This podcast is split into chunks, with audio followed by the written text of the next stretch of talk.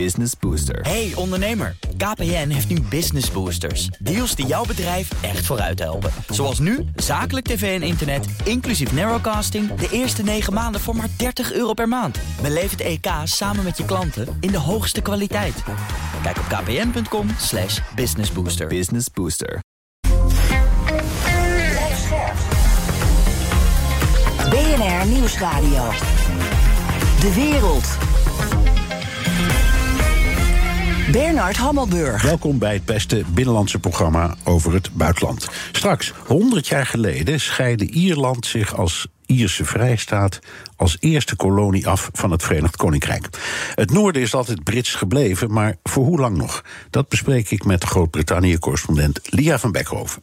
Maar nu eerst, we moeten de verleiding weerstaan om de wereld weer in blokken te delen. Daarvoor waarschuwt de Duitse bondskanselier Olaf Scholz in een lang opiniestuk in het toonaangevende tijdschrift Foreign Affairs. Ich schwöre, dass ich meine Kraft dem Wohle des deutschen Volkes widmen seinen Nutzen mehren, Schaden von ihm wenden, das Grundgesetz und die Gesetze des Bundes wahren und verteidigen, meine Pflichten gewissenhaft erfüllen und Gerechtigkeit gegen jedermann üben werde. Vandaag is Scholz exact één jaar aan de macht nadat hij Angela Merkel opvolgde. Ik praat over met Hand, Hand en Broeke, directeur politieke zaken bij het Den Haag Centrum voor Strategische Studies en voormalig VVD Tweede Kamerlid. Welkom. Uh, goedemiddag, Bernard. Ja. Uh, eerst even een kop in uh, de Belgische krant De Morgen, gisteren. Angela Merkel valt door de oorlog van haar voetstuk. We zullen nog lang de prijs betalen voor haar catastrofale energiepolitiek. Harde, harde woorden voor een Nederlandstalige krant. deel jij die mening en was Merkels energiepolitiek een afgeleide van de Oostpolitiek waar Scholz nu afscheid van neemt? Nou, het is zonder meer zo dat de Duitse energiepolitiek ook een afgeleide was van de Oostpolitiek, die, waar de Duitsers inderdaad afscheid van hebben genomen, heb ik hier ook al een paar keer gezegd. Ik vind alleen de oordelen over Merkel te gemakzuchtig, te hard en uh, vooral ook in hindsight, dus met de, de, de, de kracht van terugkijken. Ja, en ook een beetje natrappen misschien, want we bewonderden haar allemaal. Uh, ja, kijk, ja. als je nu ziet hoe, hoeveel moeite Scholz heeft om in de raad te opereren en om uh, die Europese gedachten die hij in het artikel in Foreign Affairs op een prachtige manier heeft omschreven, om daar ook handen en voet aan te geven, dan verlangen we ook nog steeds terug naar Angela Merkel. Dus het vacuüm wat niet in de laatste plaats door Scholz is getrokken in het leiderschap van Europa, dat werd door Merkel gevuld. Ja. Die Oostpolitiek, handel durch wandel, hè, ja. dat was uh, de definitie van Willy Brandt heel lang geleden. Uh, dat werd door Europa bewonderd. Uh, Merkel, maar ook de Nederlandse regering noemde Nord Stream 2 een economisch project. Dat heb ik ook gedaan. Ja, heb jij ook mijn fout. Ja, nou, ja. De, nee, allemaal misschien een beetje. Heel vele. Ja. ik heb dat te lang gedaan. Ik heb ja. op een gegeven moment de VVD-lijn daar wel iets veranderd, maar het is niet de kabinetslijn geworden. Maar kun je zeggen, nou jij dus, uh, ja, je, je hing dat, die, die richting aan, de geloofsrichting zou ik maar zeggen. Nou, was, Zijn we allemaal op 24 februari van ons geloof gevallen? Nee. Kun je dat zeggen? Nee, zeker niet. Uh, dat is echt te gemakkelijk. Het is niet zo dat we ineens wakker zijn geworden omdat de Russen uh, binnenvielen. Uh, ik ga even terug naar um, het moment waarop ik met een aantal jonge analisten van H66 in januari bij elkaar kwam. En toen we eigenlijk de optelsom van dat AC van Poetin in juni, juni, waarin hij in de tweede regel al zegt: Oekraïne heeft geen bestaansrecht, hoort terug te keren in de, in de Russische schoot, zeg maar de, de Ruski Mir, het Russische dorp, het Russisch sprekende dorp. Daarna die troepenopbouw, die vanaf begin vorig jaar, 2021, dus tot het einde van het jaar, zo ongeveer zo'n 100.000 beliep. Toen ineens doorschoot naar 120.000 acht idiote eisen die Poetin en via zijn ambassadeurs liet uitleveren in NAVO-hoofdsteden, die onmogelijk in te uh, uh, wisselen waren en of in te willigen waren. En wat waarschuwingen van de NAVO dat er bij die troepen ook um, echt bloed werd gebruikt. Dat klinkt een beetje gek, maar het bloedplasma, normaal gesproken, bij, als je een oefening doet, hoef je daar niet echt voor te nemen, want ja, er worden geen slachtoffers verwacht. Dat werd bij die Russen wel gedaan. En ja, toen kregen we aan alle kanten eigenlijk de waarschuwingen binnen: dit kan fout gaan. En toen zijn we scenario's gaan ontwikkelen. Ja. Dus het is niet zo dat we uh, volledig van niks wisten. In Brussel, NAVO-Brussel, niet EU-Brussel, NAVO-Brussel wisten ze het in oktober al. Ja.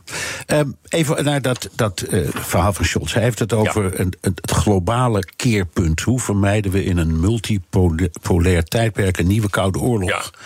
Tijdje wachten.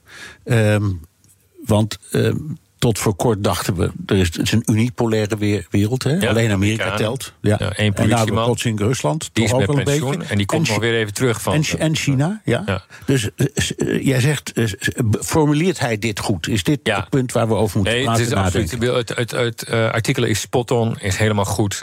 Prachtig goed dat de Duitsers daarmee komen. Dat hij daarmee komt. Laten we hopen dat het een opening is voor het vullen van het vacuüm waar we het net over hadden. Heeft het over een Zeitenwende. De Duitsers en dus ook Scholz komt toe dat ze in zes weken afscheid hebben genomen van 60 jaar Oostpolitiek die onder brand is ontwikkeld. Allemaal tot je dienst. Hij zegt een paar dingen. Hij zegt we moeten voorkomen dat we als verdedigers van de multipolariteit. ehm, eh, en daar willen wij ons als Duitsers ook vanuit een leiderschapspositie, let wel, vanuit een leiderschapspositie voor inzetten. Ehm, hij zegt letterlijk.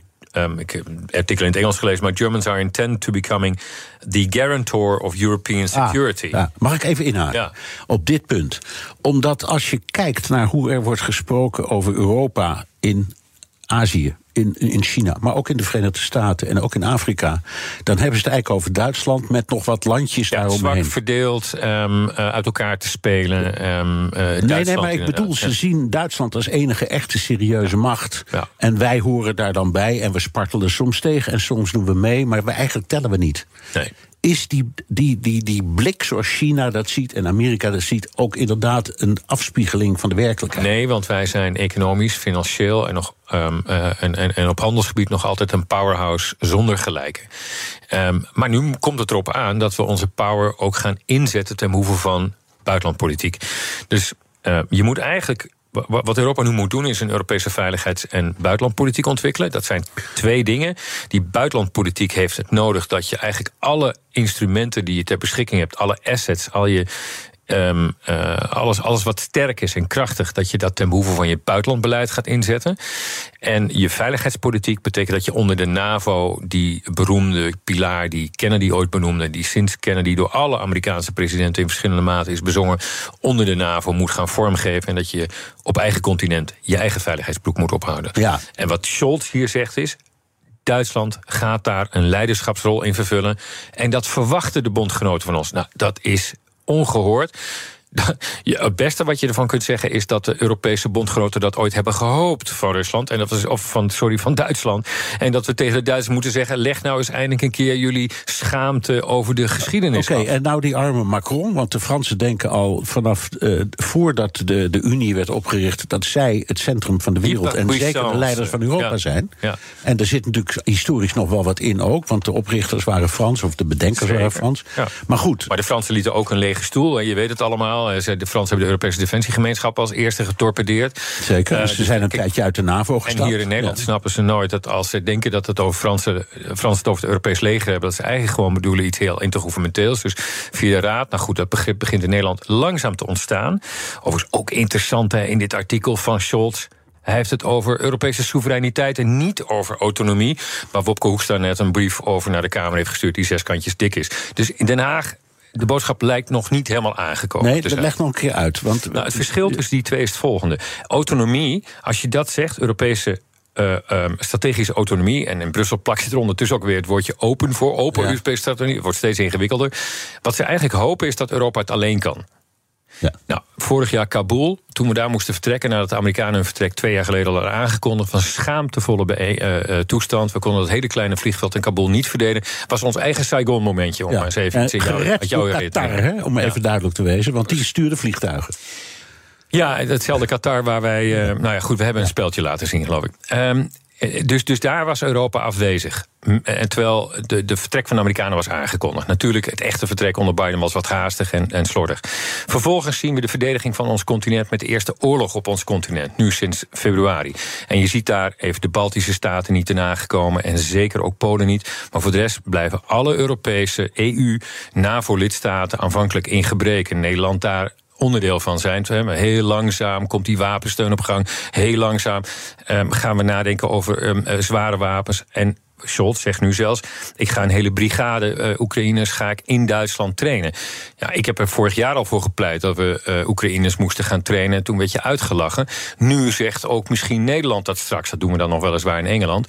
Uh, dus autonomie, zelf voor jezelf gaan, het alle, met alle assets en gebruiken zelf, is een idee fix. Okay. We moeten ze loslaten Het kan- in het kan de soevereiniteit. Wat er tegenover staat, is eigenlijk dat je zelf kunt nadenken over wat je wil. Dat weet maar de, de theorie is altijd geweest, de praktijk ook eigenlijk wel, dat de EU niet alleen Duitsland is of Frankrijk, maar de Frans-Duitse as. Zeker, is ook en, zo. en dat was eigenlijk eh, ja, de, het motorblok waar we ons allemaal aan vasthielden. En ook af en toe daar het positieve van is.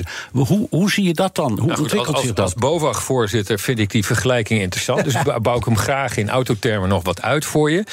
Ehm, het motorblok eh, Frankrijk-Duitsland wordt inderdaad eh, via een as in Berlijn-Parijs aangestuurd. Dat is nog steeds zo. Als die as hapert, dat doet hij op dit moment. Ja. Er zijn conflicten tussen Scholz en Macron. Die komen naar buiten, altijd slecht teken. Dan gaat het met Europa slecht. Wat Scholz hier in dit artikel aankondigt... ik wil die drijvende kracht weer zijn. Verwachten ze ook van ons. Wat is de rol van Nederland? De rol van Nederland is niet op de achterbank. Hebben we veel te lang gezeten. Ben ik tegen.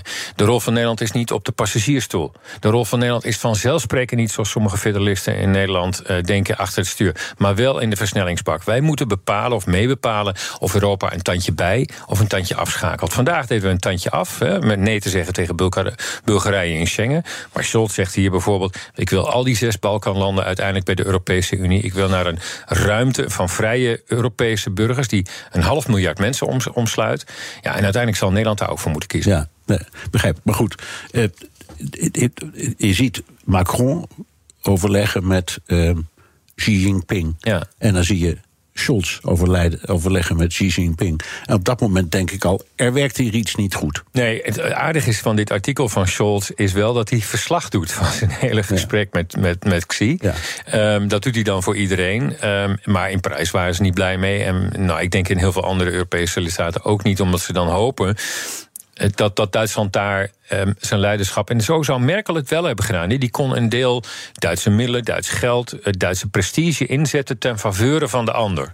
Vlakte zichzelf uit. Scholz niet. Scholz heeft zich tot nu toe laten kennen als een bondskanselier die alleen voor Duitsland kiest. In dit artikel bekent hij zich, en misschien is dat dan de eerste stap, laten we daar hoop uit putten, einde jaar, et et cetera, eh, als, eh, als de Europeaan die Merkel was. Ja.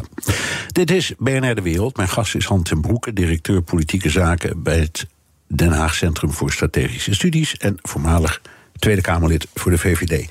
Eh, even een beetje schakelen, want er- zijn verschillende. We hebben het over China, we hebben het over Rusland. Eerst even ehm, over Rusland en die olieboycott. Ehm, die is ingegaan. Er liggen inmiddels een, een, een mega hoeveelheid schepen te wachten in de Dardanellen en in de Ja, Bosporus. allemaal schepen die, die Poetin in de laatste zes maanden heeft Even. aangeschaft. Ja, om, om, om die enorme olievoorraad weg te krijgen. Ja. Gaat hem niet helemaal lukken overigens, maar dat was zelfs een methode om eronder uit te komen. Nee, goed, Ja. maar dat is dan ten, ten, ten gevolge van een Europees beleid. Plus maar de G7. Chi- hè? Plus G7, want wel G7, precies. Maar China trekt er daar niks van aan. Die zegt, kom maar lekker op. Maar India ook niet en kunnen ook niet. Eh, India heeft er ook een miljoen vaten meer. Ehm, ja, er zijn nu twee dingen die spelen. Aan de ene kant heb je dus dit beleid met die, de, de- met, met die eh, olie-embargo. Ehm, eh, en en het, vooral dat ze niet meer mogen verzekeren straks. En, dat- en 80% van die eh, olie-export werd verzekerd door Europese, maar de Lloyds van deze wereld. Dan heb je de Amerikanen die bang worden voor het feit dat er weer volatiliteit, volatiliteit dus ehm, eh, veel onheil en, en eh, onrust ontstaat op de markt van olieprijzen. En je hebt de OPEC die reageert met het, ehm, eh, het weer krapper maken van die markt. Dus er zijn twee tegen in, elkaar ehm, eh, gaande bewegingen. Bij de OPEC zijn ze vooral bang voor zero covid China dat minder olie afneemt en voor een dreigende recessie. En de acties van de EU, G7 en de VS leiden eh, ertoe dat, we, eh, eh, dat je wat, wat prijsopdrijvende werking kunt krijgen. Ja. Maar goed, was, het, was die, eh, die, dat, dat prijsplafond een goed of een slecht idee? Ik denk dat het een goed idee was. Het was best haalbare. Of het heel veel effect is, zullen we moeten afwachten.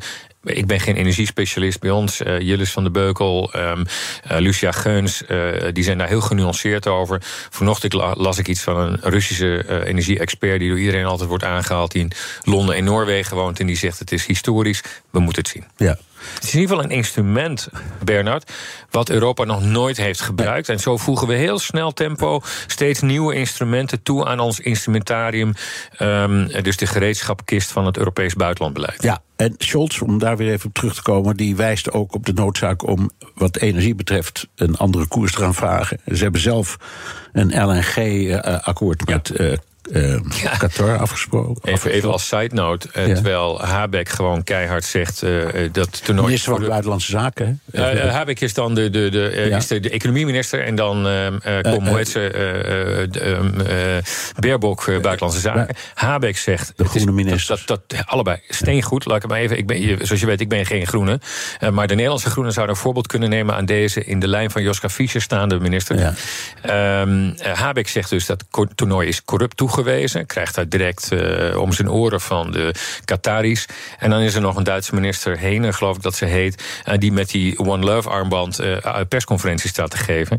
Nou, vergelijk dat even met de wat krampachtige, bekrompen houding van Nederland. En wij sluiten geen deal. En ze hebben een deal voor 15 jaar met ja, LNG. Ja, ja. Dus om, om, dat, is, dat is wat, dat, wat jij altijd. Waar een klein land klein ding kan. Nee, maar dat is wat jij altijd realpolitiek Zo is het. Ja. Um, even over, over China. Um, Scholz zegt dat ook Xi de Russische dreiging met nucleaire wapens onacceptabel vindt. Dus wat dat betreft heb je dan de hoop dat China als puntje bij paaltje komt zich toch meer naar ons toe wendt. In bijvoorbeeld onze opvatting over uh, Oekraïne. Omdat uh, weliswaar houdt Xi zich erg op een afstand. Ja. Maar heeft het, het, het idee van het binnenvallen van een ander land afgekeurd. En hij zegt nu ook: je moet niet uh, gaan, gaan praten over dingen als nucleaire dreiging. Hoe moeten we dit interpreteren? Nou, kijk, ik denk niet dat Xi um, uh, van Oekraïne heeft geleerd dat hij bijvoorbeeld op Taiwan zijn beleid zou moeten herzien. Ik vrees het tegendeel. Alleen. Um, China is in korte tijd een actor geworden die in de hele wereld wil meedoen. Ze waren heel lang afhoudend, geen stakeholder noemen we dat dan, geen deelnemer. Dat zijn ze nu wel. Rusland is dat niet meer. Rusland heeft dus de paria-status nu wel bereikt, zit op het niveau Noord-Korea, Iran, Venezuela. Um, China wil het systeem hervormen zoals het er is. Is niet blij met het door Amerikanen of door het Westen gesteunde wat wij dan multipolariteit en uh, multilateralisme noemen. Wil daar haar eigen invulling aan geven. Dus met China wil met ons praten en als nodig is ook wel knokken. En dan met name economisch het liefst. Maar niet met nucleaire wapens en niet met invallen. Nee bijvoorbeeld. Nou, maar goed, je kunt ook niet zeggen niet militair, want ze bouwen een enorme krijgsmacht op in, in hoog tempo. De, de, we hebben een, twee jaar geleden, wat was het uh, in Nederland, of zijn we in Europa het INF-akkoord kwijtgeraakt. Hè? Dat was eigenlijk het akkoord wat ons uh, nucleair vrijwaarde van een, een, direct conflict. Want de Russen zouden ervan afzien en wij zouden die uh, Pershings en die kruisraketten. Ja, maar dat ging over midden, ja, middellange afstand. Middellange afstandsraketten. Dat, dat verdrag is opgezegd. Ja. Niet alleen omdat de Russen zich maar, maar, maar wacht even, niet wilden, maar omdat, de, omdat, omdat de Chinezen ja, maar de Russen hebben wel vandaag, geloof ik, gezegd dat ze zich aan het moratorium zoals dat tot nu toe geldt, houden. Ja, de Russen laten vandaag allemaal uh, dingen zien waarvan je zegt van het zijn allemaal tekens dat er met hen te onderhandelen valt. Ja. Laat ook mevrouw Greiner, heel mooi trouwens, laat ze vrij. Wat leert ons dat, realpolitiek gesproken? Dat je altijd iets achter de hand moet hebben. Amerikanen konden iemand inwisselen tegen deze basketbalspeelster. Ja. Maar de, de Russen bieden dat nu aan. Het zal tot je dienst, zeg ik dan.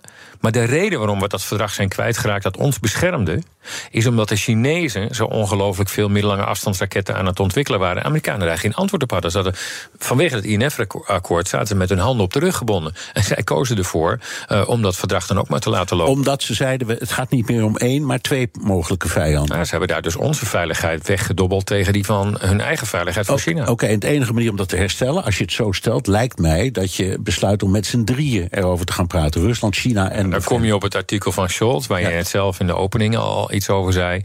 Um, hij ziet dus, hij wil geen nieuwe koude oorlog tussen twee blokken. En dat moet dus Europa een antwoord op geven. Daar hebben we Duitsland voor nodig. Als dit artikel daar de eerste aanstoot van, eh, voor geeft, dan is dat na het nieuws dat de Duitsers de Oostpolitiek hebben verlaten, Nord Stream 2 um, ehm, niet in gebruik wilden nemen, um, Leopard tanks uiteindelijk na heel veel aandringen hebben willen leveren, en dan nu dit artikel erbij, dan is dat het begin van een Europese lente. Ja, nou, en dat in de winter. En dat in de, in, de winter, ja. En ondertussen uh, uh, kijken we naar een oorlog die bevriest, letterlijk en figuurlijk. Mm. Um, en zich ingraaft. En, en in de sneeuw en de modder. Ja, ja. en zich ingraaft. Um, uh, uh, hij, hij, heeft ook geschreven: we moeten alles in het werk stellen om nieuwe partnerschappen op te bouwen, pragmatisch en zonder ideologische oogkleppen, zegt mm. Schulz. En dan denk ik dat dat lijkt op Chinees jargon. Ja. Want dat is bijvoorbeeld wat de Chinezen altijd zeggen in hun ontwikkelingssamenwerking. Hè. Gij zult u niet bemoeien met de interne aangelegenheden van een ander land. Ja, dat doet China overigens overal wel. Natuurlijk, dat weet ik wel. Maar goed, is ja. Ja, ik, ik lees daar ook in. Dat is dan net even die andere Duitse toon die ook nodig is. Kijk, wij vonden het jammer dat, dat uh, Scholz alleen naar uh, Peking ging. Uh, hij doet er nu openlijk verslag van. Maar tegelijkertijd, de Duitsers kunnen zich ook niet permitteren, net zoals ze dat in 2014 niet naar Rusland konden, uh, om zich helemaal van China af te sluiten. Hun hele industrie loopt uh, op Chinese orders. En daar hangen wij ook weer aan vast. Dus we moeten een andere manier vinden om met China die afhankelijkheid en onafhankelijkheid um, strategische soevereiniteit, zou ik willen zeggen. Dat zegt Scholz ook. Dat zeg ik ook nog een keer tegen Bob Koekstra als hij meeluistert. En niet, oh, maar niet autonomie. um, uh, belachelijke autonomie. Um, die moeten wij in Europa proberen te realiseren. Ja. nog een heel klein uh, vuiltje dat we moeten wegwerken. Hoe, hoe krijgt die heel Europa mee? Kleine stappen. Ja. Dat is de enige manier. Ja? Ja, natuurlijk. Incrementeel. Ja, zoals er zijn een heleboel landen die onmiddellijk zullen zeggen... we zien er wel wat in. Maar er zijn een paar notoren dwarsliggers bij alles. Hoe krijg je die mee? Meerderheidsbesluitvorming, maar daar heb je weer ja, unanimiteit voor nodig. Af van het veto. Ja, ik zou zeggen, begin klein. Hè. Doe niet het veto op... Dat lukt toch niet. Um, kijk, uh, Rutte heeft een paar jaar geleden in Zurich... een speech gehouden die is in Nederland niet zo opgemerkt geworden. Rutte heeft er überhaupt een handje van hem. Als hij iets bijzonders zegt, doet hij dat in het buitenland natuurlijk. Maar over Europa althans. Um, maar toen zei hij van uh, misschien het veto opgeven op, uh, op sancties. Ja. Ik zou zeggen, geef nou eens het veto op op het verlengen van sancties. Dus het instellen van sancties moet bij unanimiteit. Maar als je sancties verlengt, nu bijvoorbeeld weer ten aanzien van Rusland, doe dat bij meerderheid. Dan kan een Oost, dan kan een Hongarije, een Orbán, kan ook een keer zeggen: ik ben er niet van. Ze gaan maar zonder mij. Ja. Dat ventiel is soms nodig om te gunnen aan landen die zich niet kunnen permitteren om binnenlands politieke redenen om mee te gaan met de Europese meerderheid. Oké. Dank. Hand en Broeke, directeur politieke zaken bij het Den Haag Centrum voor Strategische Studies en voormalig VVD Tweede Kamerlid. BNR Nieuwsradio. De wereld. Bernard Hammelburg. Precies 100 jaar geleden begon het Britse empire uit elkaar te vallen. Ierland scheidde zich af als de Ierse Vrijstaat. Noord-Ierland is tot op de dag van, de dag van vandaag onderdeel van het Verenigd Koninkrijk. Maar voor hoe lang nog? Jeffrey Donaldson and the DUP have left us all at the mercy of the heartless and dysfunctional Tory government, whose own survival is all that ever counts. The Tories care less for the consequences of their dire policy decisions and their political choices on the lives of workers and families here. Er was Michelle O'Neill, de leider van de Ierse nationalisten van Sinn Féin in de Noord-Ierse Assemblée. Ik praat erover met onze Groot-Brittannië-correspondent Lia van Beckhoven. Ha, Lia. Goedemiddag, Bernard. Uh, om met heden te beginnen. Uh, hm. Kijken we natuurlijk eerst even naar het verleden. Ierland was eeuwenlang onderdeel van het Britse Rijk. Maar er was altijd toch wel uh, sprake van verzet. Hoe zag dat eruit? Ja, um, uh, hoe lang moet ik teruggaan? Want de Ieren zien zichzelf als de oudste Britse kolonie. Dan heb je het over 800-jarige bezetting. En tijdens die periode was er altijd wel Iers verzet. Want onder de Britten was het de Ieren niet mogelijk om hun godsdienst te beleiden, hun taal te spreken, hun eigen scholen te hebben. Dus er was altijd uh, uh, verzet, afgezien nog van de commerciële, de, naast de culturele, de commerciële, economische achterstelling. Um, het verzet was meestal periodiek, vaak erg lokaal, erg plaatselijk. Maar als je kijkt naar de meer recente Ierse geschiedenis, uh, met zijn guerrilla-oorlogen, met zijn hongerstakingen en zo, dan, dan, dan zie je toch heel duidelijk echo's van het verleden. Uh, ik weet nog van een Ierse premier, Israëlische premier, ik geloof uh, Yitzhak Rabin, maar ik weet niet zeker, die een van zijn zonen Michael noemde naar Michael Collins. Nou, Michael Collins was 100 jaar geleden de guerrilla-aanvoerder, zou je kunnen zeggen, van het Ierse verzet. Uh, van wat later de IRA zou zijn. En um, uh, hij was strategisch uh, fantastisch succesvol. De uitvinder, zou je kunnen zeggen, van de guerrilla-oorlog. Dan had je Mahatma Gandhi, die liet zich ook inspireren door de Ierse hongerstakers van 100 jaar geleden. Waarmee ik maar wil zeggen, um, door de eeuwen heen is er altijd een periode geweest in de Ierse geschiedenis waar een generatie een bloedoffer eiste. En telkens delfden ze dan wel het onderspit, maar dat verzet werd daardoor wel levend gehouden. En ik herinner me nog een uitspraak van uh, de burgemeester van Cork uit, ik geloof 1923, die zei. Het is niet degene die, het hart, die de hardste klappen uitdeelt, die zal overwinnen, maar degene die het meest lijden kan verdragen. Ja. Nou, en hoe je ook naar de eerste geschiedenis kijkt, lijden verdragen. Het één grote leiders. Ab, absoluut. Even voor de duidelijkheid: we hebben het altijd over katholieken en protestanten. Um, en, en ik wil heel even uitleggen hoe dat nou zit. Hè. De, je kunt Ierland was een katholiek land, maar er woonde een een uh, ja, protestantse minderheid. Dat waren, dat was, waren in feite uh, was, dat waren Anglikanen, zijn Anglikanen. Is, zeg ik het zo juist? Ja, Schotten meest. Maar inderdaad, het waren de grondbezitters uit Groot-Brittannië, zou je kunnen zeggen. Ja. Uh, meest Schotten. En die woonden um, in het noordelijke deel van dat Ierse eiland. Ja, en, en dus, inderdaad... en, ja, en dus is dat afgescheiden toen Ierland onafhankelijk werd. En bleef dat noordelijkste Ulster, onderdeel van uh, uh, Groot-Brittannië. Of Verenigd Koninkrijk. Maar, ja. Precies. Maar Ierse nationalisten of republikeinen, die, katholieken dus, die hebben dat nooit erkend. Die hebben dat nooit, en die hebben dat nooit erkend. Nee. Uh, maar inderdaad, uh, er was een, uh, een, een, meerderheid van protestanten in het noordelijke deel van Noord-Ierland. Um, en die, die, dat gedeelte, Ulster, die provincie, bleef bij het Verenigd Koninkrijk. Dus het gehele Ierse eiland is nooit onafhankelijk geworden van Groot-Brittannië. Alleen het zuidelijke deel, ja. de Ierse Republiek. Ja, en nu wilde. Uh, de, nou, ik moet nog zeggen, nu, wilden de, de, katholieken uh, dat dat werd verenigd of herenigd tot één land. En die, die, uh, de protestanten die hebben, zijn zich daar met succes tegen blijven verzetten.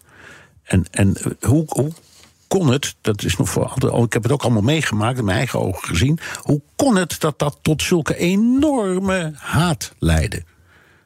Want het zat nou, zo diep, ongelooflijk bijna. Ja. De, het is, kijk, we hebben het over. Je, je, je schaakt nu alle uh, katholieken onder één kam. Maar niet iedereen wilde die hereniging. Maar voor een klein deel van bij gebrek aan een betere term, de minderheidsgroep was grotendeels katholiek. Uh, de nationalisten heb je dan en de meer um, fanatieke van die nationalisten, van de katholieken, waren de republikeinen. En de republikeinen hebben altijd een Ierse republiek gewild. Dus ze hebben nooit genoegen genomen met die afsplitsing van het noorden. Ze zijn altijd blijven vechten bij monden van de IRA uh, voor het hereniging van Noord- en Zuid-Ierland. Hoe dat zo kon gebeuren, Bernard, is omdat de minderheid in Noord-Ierland altijd behandeld is als zijnde een onderdeel van een apartheidssituatie waar zij de minderheid uitmaakten. Ze werden onderdrukt, um, ze konden heel slecht aan de kost komen, er was gigantische werkloosheid, ze woonden in krotwoningen, uh, ze hadden geen baan in de overheid, dat kon niet, maar ook niet in um, wat in Belfast de grootste werkgever was, de scheepsbouwer Harland Wolff in Belfast. Dat was ook de scheepsbouwer tussen twee hakens die de Titanic bouwde. Daar was, ik geloof, iets van 96% protestant. Dus de katholieken hadden het heel zwaar te verduren. En tijdens de burgerrechtenbeweging van de jaren 60, die uit uh, aan de ene kant uh, Frankrijk, aan de andere kant vooral de Verenigde Staten kwam overgewaaid naar Noord-Ierland, zijn toen ook um, uh, opstanden, zo je wilt, protesten begonnen bij de katholieken in het noorden, die gelijke rechten eisten met de protestantse of unionistische meerderheid. En dat is toen ontstaan inderdaad in uh, uh, hele felle uh, conflicten...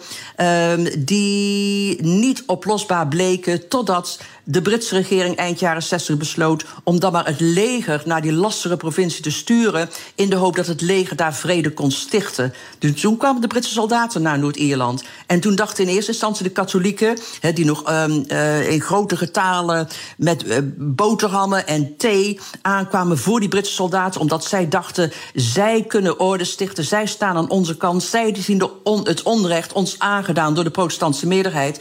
Um, die veranderden al snel van gedachten toen ze zagen, in hun optiek in ieder geval, hoe het Britse leger ze schade aan de kant van de protestanten. En hoe de onderdrukking zowel van de katholieken er niet beter op werd. Nee, en zo ontstonden. En dat ontaarde in, de, in de, wat wij noemen de Troubles. De, de troubles. De troubles is een, ja. Ja, is een ander woord voor die hele. Ja, een mini-burgeroorlog, zal ik maar zeggen. Ja, met enorme.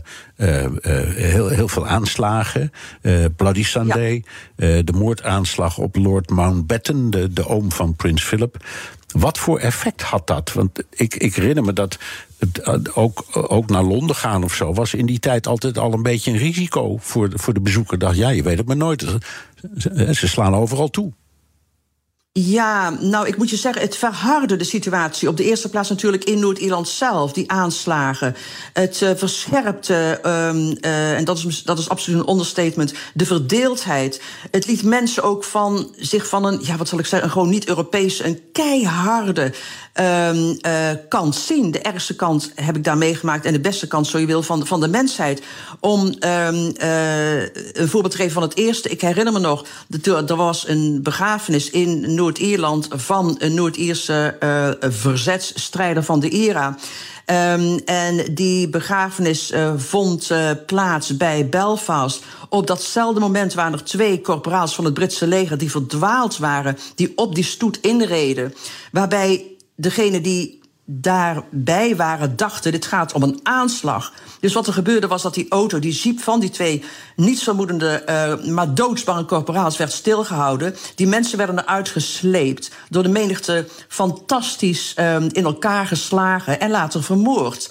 En ik herinner me nog dat toen ik een paar dagen later daar kwam en ik praatte met mensen die ik daar kende en die daar getuigen van waren geweest, die waren verrukt. Die waren blij. Die spraken over de beste dag van hun leven, omdat dus ze de vijand vermoord hadden en dat ook gezien hadden. Weeselijk, ja. En dan denk je, god, dat zijn mensen bij wie ik een paar weken geleden nog op de thee was en waar ik nog een mooi verhaal had. Oké, okay, 1998. Toen kwam er een oplossing en dat, was, dat werd het, het Goede Vrijdagakkoord. The principle of consent is absolute and is throughout the agreement. And the breakthrough is that that is now accepted by all, North and South. Also, those who believe in a united Ireland can make that case now by persuasion not violence or threats. Ja, dat was de toenmalige premier, Tony Blair. Uh, Lia, kun je zeggen dat dat, um, dat sluiten van dat akkoord... want ik herinner me nog precies hoe hard uh, uh, George Mitchell... een Amerikaanse bemiddelaar daaraan heeft gewerkt. Kun je zeggen dat het een soort wonder was? Natuurlijk. En nog steeds zie ik dat als een wonder dat er vrede was in Noord-Ierland. Want op dat um, moment, moet je weten, leek Noord-Ierland hetzelfde als wat nu het Midden-Oosten is voor ons. Hè. Het was onoplosbaar. Het was bijna een natuurwet dat daar altijd geweld zou zijn. Dat dat niet op te lossen was. Dat het altijd zo zou blijven.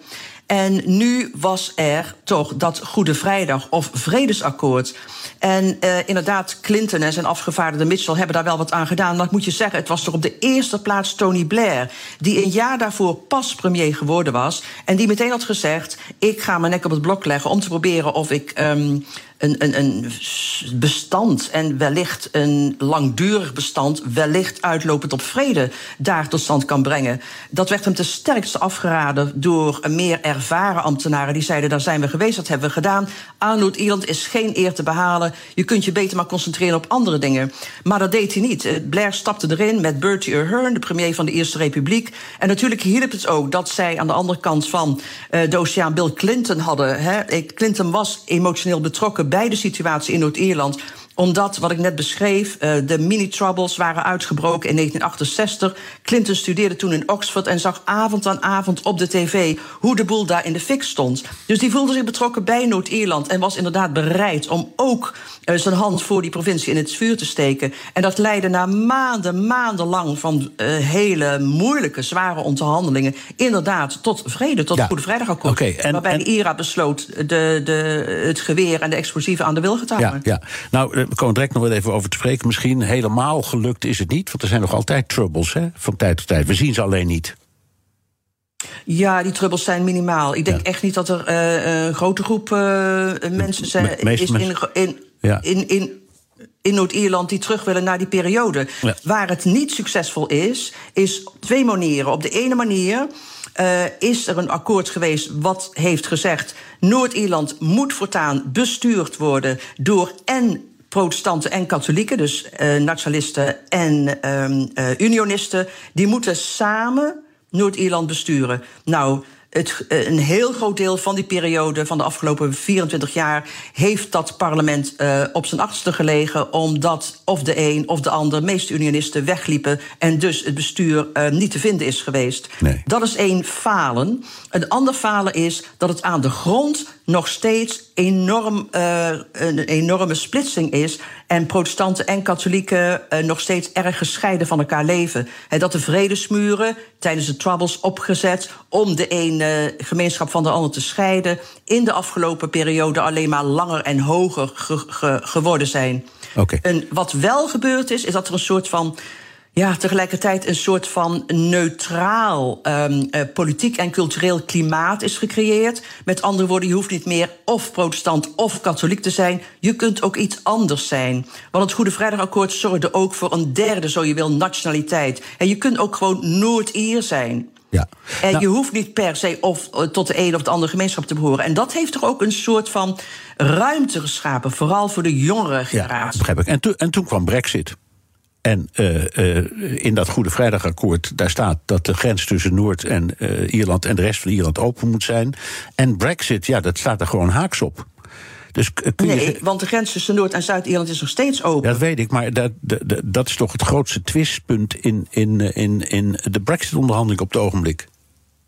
Nou, het twistpunt is dat die grens niet in de, op het Ierse eiland kwam te Maar in liggen. zee. Maar, Ja. Juist, maar in zee. En dat is inderdaad een oren, eh, een doorn in het oog van de unionisten. Eh, de unionisten voelen zich echt verbonden met het moederland, met Groot-Brittannië. En wat er sinds Brexit gebeurd is, is dat die verwijdering alleen maar groter geworden is.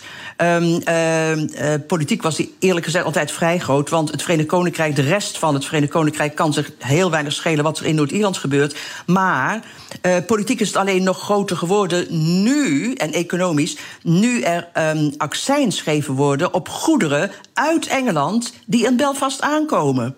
Ja. Hè, dat, dat is, voor de, dat is zo'n verwijdering eh, voor de Noord-Ierse unionisten. dat ze eigenlijk altijd eh, gehoopt hebben. en daar nu nog voor eh, ijveren in Londen. dat die hele grens in de Ierse Zee geschrapt wordt. Ja.